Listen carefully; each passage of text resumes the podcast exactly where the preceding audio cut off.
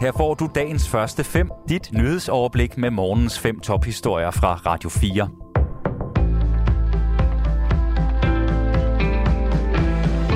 Det er tirsdag den 18. oktober. Mit navn er Thomas Sand. Rusland har angrebet Ukraine med en ny bølge af droner, det siger den ukrainske præsident Volodymyr Zelensky. Han tilføjer, at nogle af dronerne blev skudt ned af ukrainsk militær. Zelensky oplyser ikke præcist, hvor angrebene har ramt. Det ukrainske nyhedsbureau Interfax skriver, at der på beskedtjenesten Telegram bliver rapporteret om eksplosioner i landsbyen Fastiv, lige uden for Kiev, såvel som i den sydlige havneby Odessa. Disse oplysninger er ikke bekræftet fra officielt hold. Zelensky fortæller, at Ukraine siden søndag aften har afværget angreb fra 37 droner samt flere krydsermissiler. Omkring 40 droner har ramt mål i Ukraine herunder fem i hovedstaden Kiev. Tidligt i går morges ramte kamikaze-droner ned i et distrikt i den centrale del af Kiev. Også den østlige region Suni blev ramt.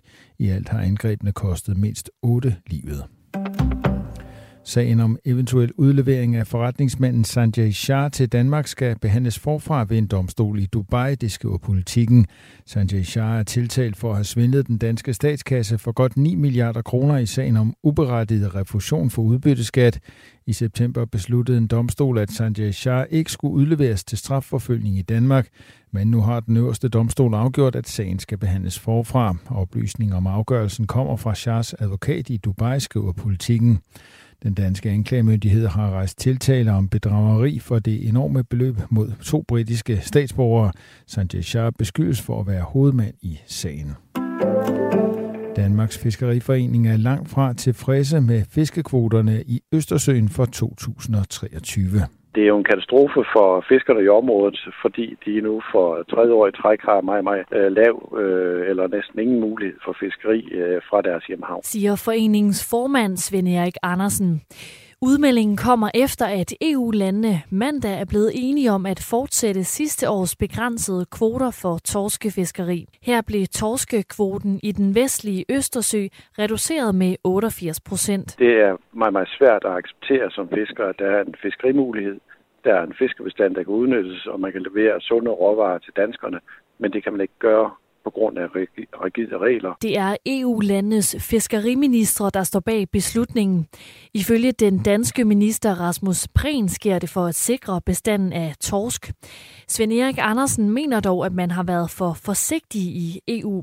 Han forklarer, at eksperter fra det internationale havundersøgelsesråd ISIS har lagt op til, at torskekvoten kunne øges i 2023 det vi har appelleret til, det er, at man, man øh, i henhold til ICES rådgivning, øh, så øh, forøger kvoten øh, lidt, så man kunne have et lidt bedre økonomisk udbytte af fiskeri. Det har man valgt ikke at gøre, det vil sige, at man har ikke fulgt den biologiske rådgivning. Man har sat sig lavere end den biologiske rådgivning. Og det fortalte Sofie Levering. Australien har omstødt en beslutning fra den tidligere regering om at anerkende Vestjerusalem som Israels hovedstad. Regeringen mener, at byens status bør afklares gennem fredsforhandlinger mellem Israel og det palæstinensiske folk. Det oplyser udenrigsminister Penny Wong. Hun slår samtidig fast, at Australien altid vil være en trofast ven af Israel, og at landet går ind for en tostatsløsning. Med store pengesummer er tidligere piloter fra den britiske hær blevet lokket til Kina for at hjælpe den kinesiske hær med træning. Det hævder embedsmænd fra det britiske forsvarsministerium ifølge BBC.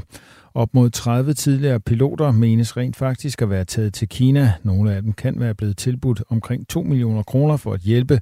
Der er ikke beviser for, at piloterne har overtrådt deres tavshedspligt eller brudt nogen love. Piloterne menes at blive brugt til bedre at forstå den måde, som vestlige fly og piloter opererer på. BBC beskriver piloterne som personer, der kan give information, som kan være afgørende i tilfælde af konflikt. Det kunne for eksempel ske i Taiwan. Storbritannien har udsendt en advarsel til de tidligere militærpiloter, som opfordres til ikke at hjælpe kinesisk militær. Vestlige embedsmænd siger ifølge BBC, at forsøgene på at lokke piloterne er taget til i den seneste tid. Også nuværende piloter er mål for tilnærmelserne, men menes ikke at have taget imod tilbuddet. I Danmark har der tidligere været kritisk fokus på mulige kinesiske forsøg på at tilegne sig mere militær viden.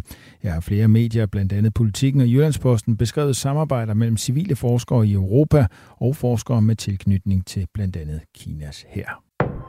Dagens første fem er tilbage igen i morgen tidlig. Hvis du har brug for en nyhedsopdatering inden da, kan du altid fange os i radioen, på nettet og i vores app. Vi høres ved til dagens første fem fra Radio 4.